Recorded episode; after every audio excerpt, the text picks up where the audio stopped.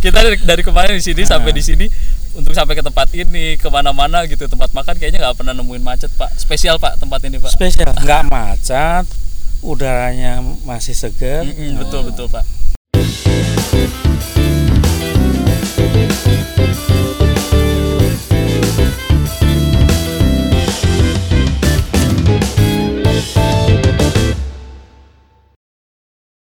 Halo kawan pajak, kembali lagi dalam Celoteh 180 kolaboratif podcast dari Kanwil DJP Jawa Tengah 2. Hari ini bersama saya Lufti dan rekan saya Cinda kami sedang berada di sebuah tempat yang sangat indah sekali. Di depan kami tampak Gunung Slamet begitu megahnya dan di belakang kami bisa dilihat hamparan kota Purwokerto yang sangat menarik karena hari ini kita sedang berada di kota Purwokerto.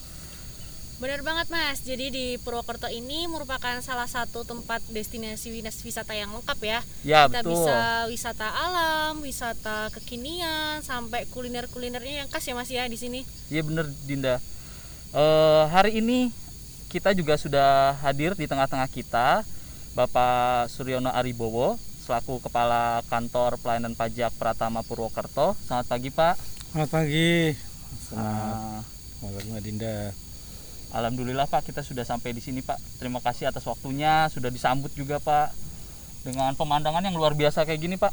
iya Ini baru udara, pertama kali podcast kita kayak gini Pak. udaranya segar Iya betul Pak.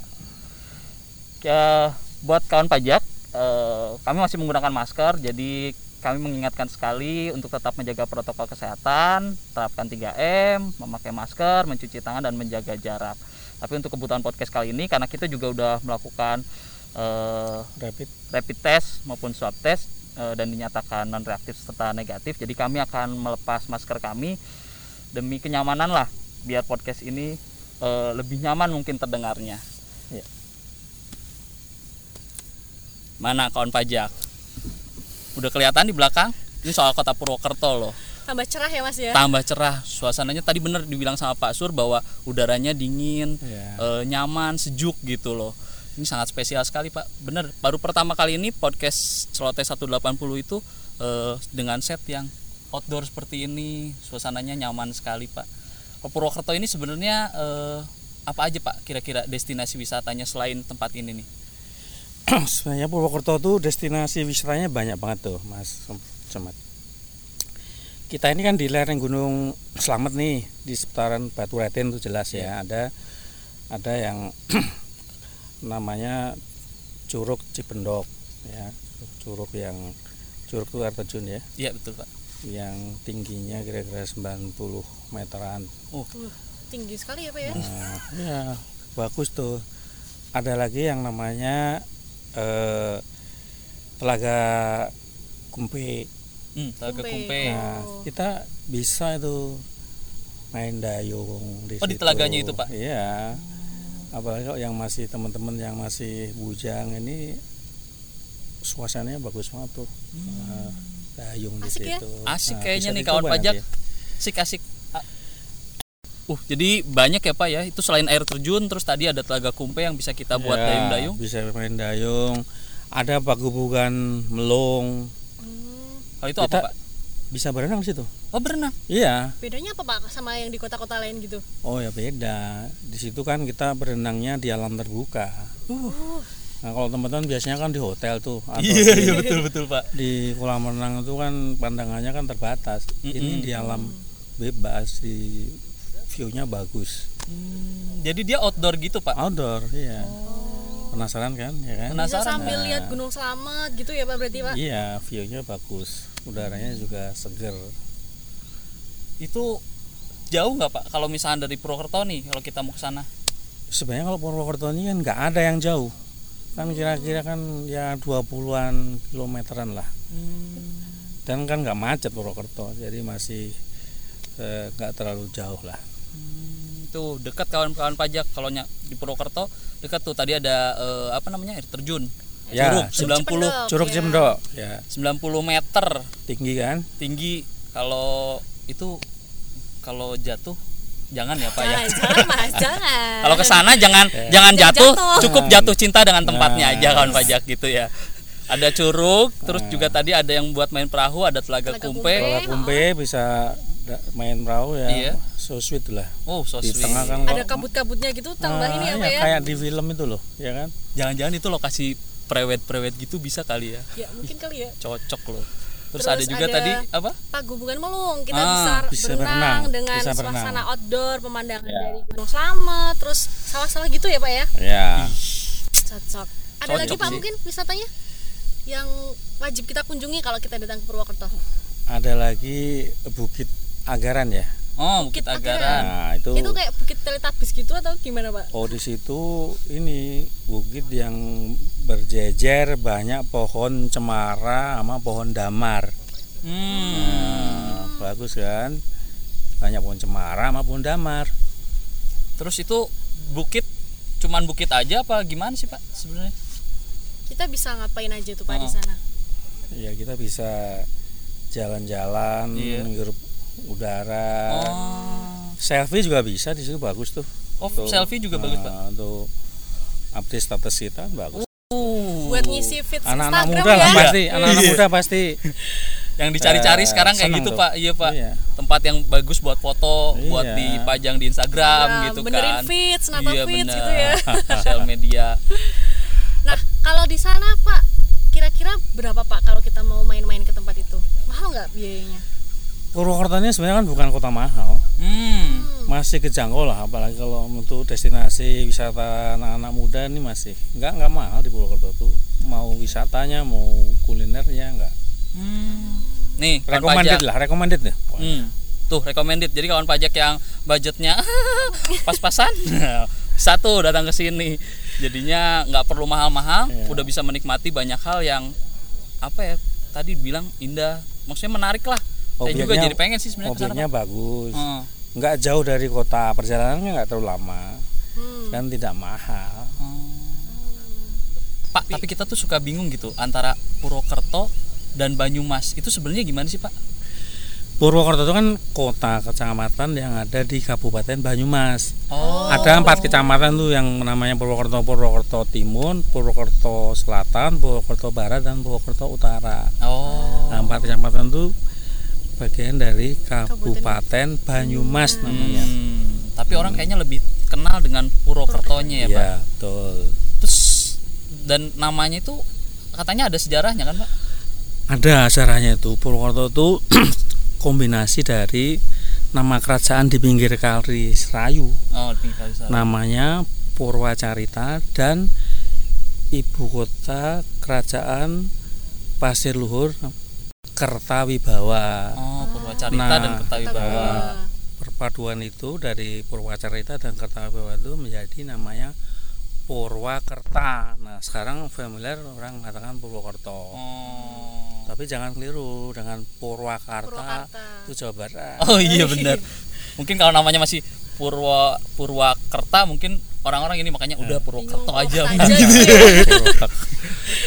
Oke, Purwokerto. kan udah jalan-jalan nih Pak kita ke wisata-wisata. Apa Mm, ya Mas ya udah ya? dijelasin tadi soal Ah. wisata-wisata. Lapar. Ah, butuh diganjel kali ya Mas. Pasti.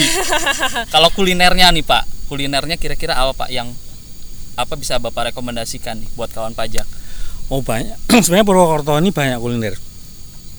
Tapi mungkin kita cerita makanan yang udah lama nih. Oh, udah lama. Dari zaman Belanda nih. Uh, Roti gu. menarik nih Pak.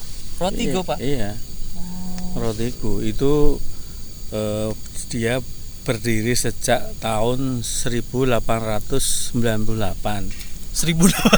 Benar, Pak. 1898 Pak. Iya betul. Dihitung aja dari sekarang berapa tahun tuh? Berapa tuh, 1898 kawan pajak bentar 2020 122 tahun Pak. Satu abad lebih kan? Iya. Bener itu. Ya, itu rotinya termasuk fenomenal atau sejarah Ded. Eh, ja- sejak zaman Belanda. Sejarahnya dulu kan katanya zaman Belanda pun itu sempat di Belanda kan biasa tuh apa main bumi hangus ya dibakar. Oh, dibakar. Itu toko tuh sempat kebakar tuh katanya. Tapi eh, masih apa itu alat mesin untuk Ah. buat roti itu masih ada dua mesin yang terselamatkan sehingga sampai sekarang mereka masih bisa eksis. Nah, masih udah. Ngeri ya, dihanguskan sampai terus tapi masih ini Iya. dan itu pasti udah bergenerasi-generasi ya pak Iya. Tahu nggak ada macam-macam rotinya yang terkenal di sana tuh. nah ini rotinya kalau ke sana rotigo ke rotigo apa pak rekomendasinya pak Hmm. yang direkomendasi itu yang terkenal di sana itu roti pisang keju. oh roti pisang keju Itu enak itu. Mm. Tapi sebenarnya kalau saya ada yang pernah saya coba itu ada unik tuh. apa tuh pak Yang roti dia di oven kering itu isi ada yang isinya kacang, oh, ada yang kacang. kayak ditumbuk ya, terus isinya mete. Nah, itu saya favorit saya kacang itu. mete Nah, aduh roti sama kacang mete habis ini kita ke sana ya iya harus nih kayaknya nih saya dengernya aja udah oh ini kayaknya oke nih dan masih rotinya. banyak lagi tuh pilihan rasanya itu. Hmm. Banyak tuh. berarti nggak cuman roti-roti yang tradisional aja ya pak ya di Oh, sana iya. ya termasuk yang udah modern Iya. pun juga mereka tetap produksi ya buat perkembangan zaman gitu Udah 120 tahun kan luar Iya. biasa kan. luar biasa pak rotigo selain itu pak selain rotigo apa pak kira-kira yang khas Banyumas Nah, kalau teman-teman mungkin udah familiar semua tuh yang namanya menduan, tempe itu. oh wah ini legend mas kalau yang ini mas Nah, ini iya, Ini. betul. bener Di seluruh di kota Indonesia kalau bilang menduan pasti nyebutnya Purwokerto. oh iya bener-bener pak bener pak Tempe menduan. Nah, kalau kita mau beli di mana pak tempe mendoan yang paling terkenal itu kebanyakan di eh, kalau yang jual di jalan Pasawangan. Sawangan. Oh, Sawangan. Nah. Tapi kalau industri itu iya industri itu ada di namanya di daerah Pliken. industri Jadi industri membuat tempenya oh di sana ada 700-an lah pengrajin untuk buat tempe itu. Pliken itu masih di Banyumas juga pak Iya, di Banyumas. Jadi satu daerah tapi di situ banyak penduduknya yang membuat tempe. Berarti Sentra tempe lah, pembuatan tempe. Eh, sinergi antara ini ya Pak UMKM di Banyumas ya ada yang bagian produksinya Ya. terus yang di Sawangan itu untuk Betul. bagian penjualannya jualnya gitu gitu ya Betul. Nah, ini sebenarnya salah satu juga penggerak ekonomi di Banyumas ini tempe ini menduan itu juga luar biasa. Bayangkan itu ada 700 700-an lah pengrajin Hmm. yang mereka membuat tempe yang dibungkus pakai daun tuh loh ya kan. oh Terus penjualannya di Jalan Sawangan tuh banyak tuh berderet tuh. Kalau kita beli di Sawangan tuh bisa mau beli yang men- udah digoreng jadi Digoreng. menduan ada. oh langsung di tempat Ya, digoreng langsung di tempat ada. gitu ya pak Yang mentah juga punya sama. oh berarti bisa dibawa pulang gitu ya buat oleh-oleh gitu Pak Bisa. Bagusnya kan tempe ini kan kita bisa bawa pulang misalnya kita mau konsumsi untuk berapa hari ke depan dua hari atau tiga hari mat siap goreng lah ya oh Nah, kita bisa milih tuh ke mereka ke penjualnya. Saya mau untuk yang ma, ini siap goreng matang dua hari ke depan, lusa misalnya. jadinya nggak nggak ini ya pak bisa oleh-oleh saya mau pulangnya kapan gitu bisa nyesuaiin sebenarnya minta tempenya yang Bisa. matangnya kapan Iya, bisa untuk oleh-oleh nih. Jadi makanya kalau teman-teman kawan pajak datang ke Purwokerto bisa dibawa pulang itu. hmm. salah satu Jadi- yang wajib berarti ya Pak ya buat iya, itu ke saya rekomendasi wes. oke Enak. Nah. Beda rasanya menduan di sini tuh dengan tempe-tempe yang di lain daerah. harus Rasanya. nyobain nih kawan pajak dari seluruh Indonesia cobain tempenya di Purwokerto karena menurut Pak Sur ini tempenya beda lebih enak ya Pak ya dibanding tempe daerah lainnya Pak Iya, beda banget. Oh. Itu kalau kita beli di Iya. yang jual di Sawangan itu kita bisa sekalian beli dengan tepung yang untuk goreng itu. Oh. Sama misalnya ada juga sambal kecapnya. Hmm. Dia udah paketan. oh udah paketan Jadi kita nggak usah eh, pusing-pusing beli di mana nanti tepung sama oh untuk jadi udah beli Kecap. sepaket dibawa Bisa. pulang oleh-oleh Eh, bisa ya Pak ya Iya, di rumah tinggal adonan goreng udah jadi. kayaknya habis ini habis Sana? ini kita banyakan habis ini kita ke sana ini, habis ini. ini. tapi bener deh kawan pajak kawan pajak ini eh, Purwokerto ini juga apa namanya kalau bisa diceritain kayak gini dan kawan pajak bisa di rumah juga pasti oh iya ya emang kayak gitu ya pasti pengen gitu jadi bener tadi kata Pak Sur wajib lah datang ke sini lah. Menggerakkan ekonomi lokal juga ya Pak ya. Iya. karena tempenya dari lokal terus ini juga dijualnya juga oleh orang lokal. Selain tempe mendoan katanya ada lagi pak yang apa sih? Apa ndak yang manis-manis itu? Getuk goreng. Oh iya, ini juga nggak kalah fenomenal. Getuk goreng Sokaraja itu. oh getuk goreng Sokaraja. Iya. Itu berarti di daerah Sokaraja situ ya pak Ya, Sokaraja itu satu kecamatan di Kabupaten Banyumas. oh Ya. jauh pak dari Purwokerto pak Itu tadi saya bilang Purwokerto tuh nggak ada yang jauh. Ada yang jauh, Mas. Iya, Purwokerto ada yang macet katanya kan kan nggak macet. Iya benar kita dari, dari kemarin di sini Nah. sampai di sini untuk sampai ke tempat ini ke mana-mana gitu tempat makan kayaknya nggak pernah nemuin macet pak spesial pak tempat ini pak Spesial, nggak macet, udaranya masih segar. Mm-mm, betul betul pak Hmm. Kenapa? Kamu kenapa aku enggak? juga. Gitu lagi ya. Satu dua tiga. Aku mau nanyain soal getuk lagi ya. Nah kalau yang getuk goreng Sokaraja itu itu kan di daerah Sokaraja tadi bapak bilang gitu. Itu ini nggak pak? Apa namanya? Ah, gimana? Ada sejarahnya kah? Atau memang udah da- jadi makanan sehari harinya orang Banyumas? Apa gimana sih pak? Ini semacam inovasi ini kan. Hmm. Hmm. Dan ternyata itu malah banyak yang suka dengan yang digoreng itu. Hmm, awal mulanya getuk nih getuk kan mungkin itu. ada ininya ya pak ya masa masa ininya ya, gitu ada masa ininya lah layak Ah, dikonsumsinya layak dikonsumsi, gitu ya. Terus biar memperpanjang itu digoreng ya ternyata pas digoreng malah lebih Jadi- banyak yang suka ya pak ya jadi lebih baru ya. lebih terkenal sekarang namanya getuk goreng. yang paling terkenal yang mana pak kalau yang di Sukoharjo itu kan banyak tuh ada yang jejer-jejer ada billboardnya tuh loh mas yang besar-besar gitu ada tulisan asli-aslinya gitu Ya itu memang yang paling terkenal itu getuk goreng yang Haji Tohirin itu. oh Ya dia banyak sekali tuh outletnya, outletnya, outletnya itu.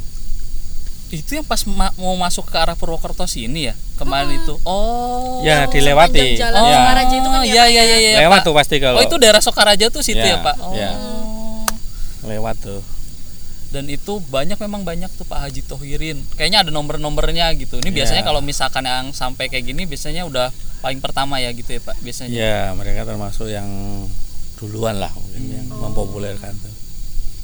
udah pernah nyobain belum mas belum sih enak emang enak Udah. Oh nanti harus dibawa, beli yang dibawa pulang juga. oh gitu oleh-oleh juga bisa itu ya iya. Pak Iya kan digoreng kan tahan lama dia. iya bener dan itu rasanya rasa seperti getuk biasa gitu Pak Ya banyak variannya tapi oh gitu ada yang eh, original, ada yang coklat, ada Oh. yang durian, Mm-mm. Hmm, jadi variannya juga ada banyak ya banyak. Ya. nah kita udah nyemil nyemil nyemil banyak nih pak mulai dari tadi roti go terus tempe mendoan Ya. habis itu kita makan goreng. goreng kalau yang bisa lebih ngenyangin lagi apa nih pak yang Oh ada. makan beratnya kamu Ada. ada namanya soto Sokaraja juga. soto Sokaraja soto sokaraja Ya. bedanya apa pak sama soto-soto yang lain gitu Bedanya agak unik juga ini. Soto kalau di sini orang mengatakan eh, sroto. oh Sroto, ya, bukan ya. soto ya pak Ya, namanya kalau di sini orang bilang oh sroto. gitu Itu keistimewaannya itu dia pakai eh, sambal dari kacang. Ya. ah jadi sambal Ya. kacangnya Bentar, dicampurin bentar. Ya, langsung dicampur. soto jangan nih. ngiler jangan ngiler ya soto mas nih ya tapi pakai sambalnya kacang Ya, ada tumbukan kacangnya itu.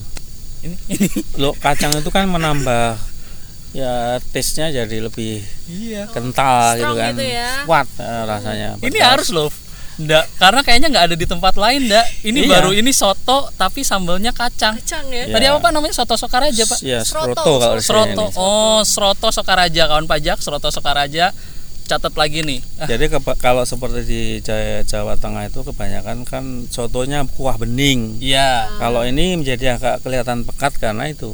tambahan Ya, sambal kacangnya ya. tadi itu ya pak ya Penasaran kan? Penasaran, Nah, Pak. harus dicoba. Yang mana pak biasanya kalau misalnya itu itu banyak juga yang jual Banyak. eh, Tapi yang banyak orang nyari yang itu di Seroto Seruti namanya. Nah, Soto Seruti namanya. Ya. Itu ada ya gang masuk lah di Sukaraja itu. Tapi mobil masuk bisa. mobil masuk Ya. Oh. cocok mas abis Cocok. beli getuk goreng kita ke soto suti Oh. Itu ada di Google Map ada ya, gampang ya Pak? Oh mudah di Google Map kita bisa cari seruti ya. ngiler Iya. Udah wah ini. bunyi kan perut. Iya bunyi Pak. Pagi-pagi kayak gini, aduh udah kebayang-bayang nih. Bisa nih. Kayaknya kita nanti siang harus ke sana deh. wajib Nggak, sih Biar kita tahu rasanya soto yang pakai bumbu Kacang. kacang. kacang Iya. nggak ada kan di Solo di Solo kan sotonya lebih ke yang like like gitu Iya ya, benar. pokoknya Jawa Jogja, Semarang tuh kuahnya bening. Iya kan? Iya betul Pak. Kalau di sini beda.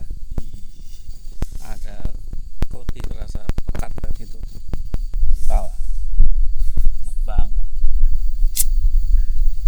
Mantap kawan pajak, silakan nanti dicoba.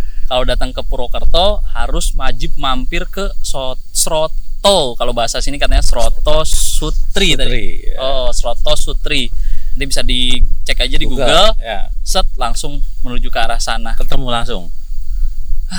Kayaknya udah ya, Nda ya. Udah ngobrolin jalan-jalan tadi udah tempat-tempat wisata, terus ngobrolin kuliner juga udah. Apalagi ndak yang kepengen kamu tahu soal Purwokerto ini ada lagi nggak? Tadi sejarah juga udah tuh sejarahnya Purwokerto gimana. Mm-mm. Ada lagi Iya. nggak? Hmm? Apa langsung udah Pak kita nggak usah banyak ngobrol kita langsung hajar aja ke tempatnya gitu. Masih ada loh makanan lain tuh. Apa, Oh, ada lagi, Pak? ada lagi yang recommended buat Ada, dari uh, itu. Pak Suryono Jenang jaket mersi itu. oh itu salah satu oleh-oleh juga Iya, jenang kan dari ketan itu ya. Jenang Manis. jaket ya Ya, Iya. mersi. Oh bisa juga untuk oleh-oleh. Itu di sini juga Pak. Ya. Jenang jaket banyak banget. Hmm. Terus katanya daerah sini juga ini Pak. Apa namanya? Penghasil apa ndak durian durian yang besar besar itu bawor Wah. apa ya kok nggak salah bener nggak pak bawor Kalau itu teman-teman harus mencoba itu. Harus. Memang ini belum nih. Ini bulan ini belum musim, tapi belum ada yang pada masak ya. Mm-mm. hmm, Itu durian yang luar biasa. Oh, saya katakan sampai luar biasa itu. berarti enak banget nih berarti Teksturnya ya legit. Perpaduan legit, manis, pahit dikit, Hmm. lembut. aduh. Aduh. aduh. Dan katanya ini, besar ini gitu Pak. benar-benar bisa nanti dibandingin lah. Kalau teman udah pernah makan durian di mana pun ya Mm-mm. bisa nanti dibandingkan dengan namanya durian bawor di Purwokerto ini Banyumas nih. Itu penghasilnya ada daerah khusus gitu atau emang semua di Banyumas ini ada durian bawarnya pak? Di Banyumas ini yang terkenal yang banyak itu bawor tuh di daerah Kemeranjen Hmm. dan di Cilongo Eh, kalau Kemeranjen itu ya daerah selatan ya Hmm. kalau Cilongo itu Banyumas yang arah utara barat lah Hmm. sama-sama banyak itu nggak usah tanya kawan pajak di rumah nggak usah tanya jauh nggak nggak ada yang jauh nggak ada yang jauh semuanya dekat tuh. semuanya bisa dijangkau dengan mudah nggak ada macet ya. juga durian bawor ya kan ingat-ingat tuh. Cocok ya pak ya? Durian bawor. catat nggak? Bawor. Ya. karena kalau di daerah Solo kan dekatnya Karanganyar tuh ada durian Karanganyar. Kalau ini durian di Purwokerto ini Iya. durian bawor itu ya pak? Bisa dibandingkan nanti. Banding bandingkan iya. Berani lah ya pak ya kalau diadu sama yang di Karanganyar? Wah sangat berani. Ini durian luar biasa kalau ini. Siap, dia bis bentuknya ukurannya tuh bisa besar juga. Oh besar. Iya jadi bukan yang Tapi- durian durian lokal yang kecil gitu bukan pak? Bentuknya bisa besar. Oh. tapi rasanya luar biasa udah. Wah itu tadi udah saya ceritain perpaduan antara legit ya manis pahit lembut dagingnya. Aduh. Bulan apa pak? warnanya bulan juga, apa pak? Bulan apa pak? warnanya juga kuning apa itu ya kayak apa kayak mentega gitu ya. Oh kayak oh. warnanya gitulah Nggak apa pak? nih. ininya pak? biar panennya bulan apa teman-teman pak? biar penasaran. Sebenarnya nih kalau udah musim tak bukain di sini nih. Biar bisa kamera teman-teman bisa lihat semua. Eh, Tolong. tapi nanti nggak sekali ya. apa-apa kalau teman-teman googling juga udah bisa tuh dilihat tuh tekstur Hmm. durian bawor banyak di situ. Dan itu musimnya kira-kira bulan apa pak? Ini katanya musimnya agak terlambat nih. Mungkin paling cepat Januari ini udah. Katanya udah ada yang oh gitu. bisa di Januari Februari udah bisa ya nanti ke sini lagi ya dua bulan lagi lah mohon Jadwalkan ulang. Januari dijadwalkan ulang Nah. buat ini teman-teman dari Iya. Celoteh 180 harus ke sini hanya khusus untuk review durian bawor ya Pak. betul Sa- nanti bisa teman-teman benar nih bandingkan dengan durian-durian yang pernah teman-teman coba ya Hmm. Hmm. ini saya benar-benar nih recommended nih kalau durian ini Aduh, makin-makin kemecur kemecur. Iya bener nih bahaya nih. loh saya aja ini eh, udah berusaha menanam pohon itu Oh, beli gitu, bibit Itu, Pak. Pak. di rumah dinas tuh saya tanam satu Oh. Jadi udah selain satu tahun tuh penghasil buahnya, mereka juga nyediain bibitnya gitu, Pak. bibit dijual di sana. Gimana, Mas? Dan Mau kalau- nanam ke Solo? di sini bibitnya masih lebih murah daripada teman-teman misalnya beli di toko yang jual bibit kayak terubus tuh ya Hmm. Hmm. mungkin di sana udah jadi tiga kali lipat atau empat kali lipat harga di sini Hmm. untuk umur ukuran yang sama Hmm. ini saya promosi nih Iya nggak apa-apa Pak, bener karena Pak. ini memang ciri khasnya Banyu masih durian ini Iya. ya itu tadi saya katakan di rumah dinas tuh ada satu tuh saya tanam tuh saya ke rumah juga nanam beli dua atau berapa tuh Tuh bisa beli juga ternyata. bibit saya ada banyak tuh. Mantap sekali ya. Iya, nggak apa-apa Pak, promosi di sini. Jadi kalau ini saya seneng nih, kayak Bapak bisa menceritakan banyak ini juga promosi untuk daerahnya Pak. Oh iya, itu memang yang menggerakkan perekonomian Banyumas ya kan. Oh iya iya. Dari Setuju, Pak. agro juga ada tadi, Hmm. industri tadi eh, UMKM semua kan Iya. kayak Iya. tempe, getuk, Iya. hmm, UMKM itu Iya. banyak kan. Nah, ini yang menggerakkan apalagi yang di masa pandemi ini kan, ya kan, Iya. mereka kan tetap benar bisa eksis. Ih. Ih, Kita tempatnya ini menakjubkan ya. Kalau nggak pajak mungkin ngelihat ada yang lewat-lewat. Nah itu bukan alat ya, Nah. itu capung. Karena kita memang sedang berada di, Di alam outdoor, ini, ya. di alam luas, eh di alam luar gini. Jadinya banyak binatang-binatang yang memang secara natural datang ke sini gitu. Dan sayup-sayup bunyi burung tuh. Oh iya benar kan? pak. Iya, Ada bunyi burung, Nah, bunyi jangkrik juga nih kayaknya ada pak. asik Iya, ini banget ya, Mas ya. iya masih asli kayak gini. Layak sih sebenarnya kalau bapak menceritakan soal Purwokerto ini luar biasa dan wa- wajib dikunjungi itu bener sih. Ini alamnya juga masih enak kayak gini pak. harus dikunjungi. Pak, kemarin pas kita sampai ini juga kita sempat diajak keliling-keliling dan mampir di apa itu Pak? Mau apa? Pelayanan publik. Oh iya betul. Di situ juga KPP buka layanan ya Pak? Ya betul Mas Lutfi. Ada namanya Mall Pelayanan Publik MPP. Hmm. Hmm. Ini sebenarnya termasuk terobosan di Kabupaten Banyumas dengan beberapa instansi termasuk DJP ya Iya. di situ. Eh, termasuk pionir mungkin duluan nih Banyumas nih. Hmm. Jadi dalam satu tempat di mall pelayanan itu masyarakat teman-teman eh, pajak bisa mendapatkan layanan eh, dari beberapa instansi. Oh. Misalnya kalau dari kami dari Direktorat Jenderal Pajak bisa misalnya dapat nanti bimbingan saya mau membuat NPWP secara online kan tapi kan bisa Iya, di, iya. di- dibantu atau iya. konsultasi masalah perpajakan pengisian SPT misalnya Yo. Oke. juga layanan-layanan perizinan dari pemerintah kabupaten ada semua di situ Hmm. Pembuatan SIM eh, perpanjangan SIM Hmm. eh, paspor Hmm. jadi beberapa layanan dari instansi-instansi luar biasa ini kan sebenarnya satu sinergi itu ya Mm-mm. ya kolaborasi ya satu per- eh, kerjasama untuk bagi kami di Direktorat Jenderal Pajak juga untuk bagian dari untuk peningkatan kepatuhan compliant Oh. karena dengan masyarakat datang di situ bisa mendapatkan eh, layanan beberapa eh, instansi perpajakan juga bisa dapatkan mau pengisian SPT terutama kalau di Hmm. saat-saat eh, sibuk itu sehingga mudah lah bagi masyarakat untuk Hmm. nah kami mudah-mudahan bisa meningkatkan kepatuhan Hmm. yang ada Jadi di kalau ada masalah tentang perizinan usaha usahanya mereka gitu bisa langsung diselesaikan di KPP Iya. situ ya Pak ya di, eh, Iya. di MPP. ya mbak Dia satu hadir dalam satu tempat tuh udah nggak perlu ke instansi nggak usah eh, berpindah-pindah Hmm. Eh, kalau kantornya kan bisa di beberapa tempat tuh satu tempat udah selesai semua urusan dan itu Dan tadi itu- keywordnya itu tadi yang bapak bilang bahwa dengan bersinergi dengan berkolaborasi gitu ya dengan kita memudahkan pelayanan kepada masyarakat itu Iya. bisa di apa bisa meningkatkan ini ya pak ya Ya, compliance-nya ya, harapkan apa kepatuhan tuh ya wajib pajak bisa meningkat karena mereka mudah untuk mendapatkan eh, edukasi, bimbingan eh, untuk pengisian yang mudah. Hmm. Mereka hadir di situ misalnya sambil perpanjangan SIM misalnya Mbak, atau Iya. membuat Sekalian perizinan ya, Pak, ya. bisa langsung juga konsultasi perpajakan di Hmm, tempatnya juga di tengah kota. Iya Jadi mudah kan diakses mudah berarti ya? diakses. Jadi Oh. eh, masyarakat mungkin lebih mudah lah untuk hadir ke sana. ini salah satu bentuk berarti enggak salah satu Hmm. bentuknya kolaboratif compliant tuh ya ini salah satunya Iya. menghadirkan Iya, mas- eh, LPP pelayanan ini lebih ya. mudah untuk diakses oleh masyarakat Betul. gitu ya pak ya. Ya, betul.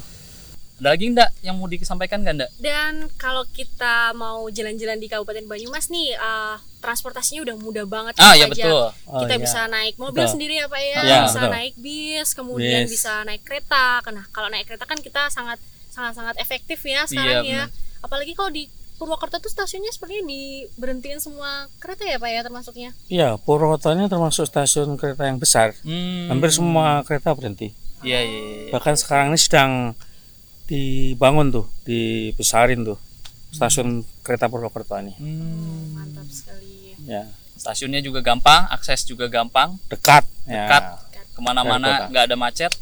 Oh udah deh, recommended banget datang ke Purwokerto, Purwokerto. ke Banyumas. Banyumas. Heeh, lebih luasnya ke Banyumas nih Kabupaten Banyumas, kota Purwokertonya ada banyak destinasi wisatanya juga. Kuliner Terus juga. Kulinernya juga, Ada. durian, durian bawor tadi yang dibilang sama Pak Sur. Hmm. Kamu tandai sekali ya Mas kayaknya dari awal ini. Udah saya note gitu, harus nih Note, datang harus ke note sana. tuh, ya. Iya benar. Oke lah, kayaknya kita udah cerita banyak, udah ini, udah mengganggu waktunya Bapak juga di hari ini. Eh, Kira-kira apa Pak pesan terakhir yang bisa disampaikan ke kawan-kawan pajak? Ada Oh, dari iya. Bapak? buat ini teman-teman kawan pajak dan juga eh, sekaligus juga teman-teman pengusaha mungkin yang belum melaporkan SPT tahunan PPH eh, mohon bisa untuk segera melaporkan surat pemberitahuan SPT tahunan pajak penghasilan Hmm. ya tem- teman-teman semua bisa mengisi melalui eh, secara online e-filing Iya. atau bisa juga kalau mau konsultasi atau melaporkan langsung hadir ke kantor pelayanan pajak Pratama Purwokerto.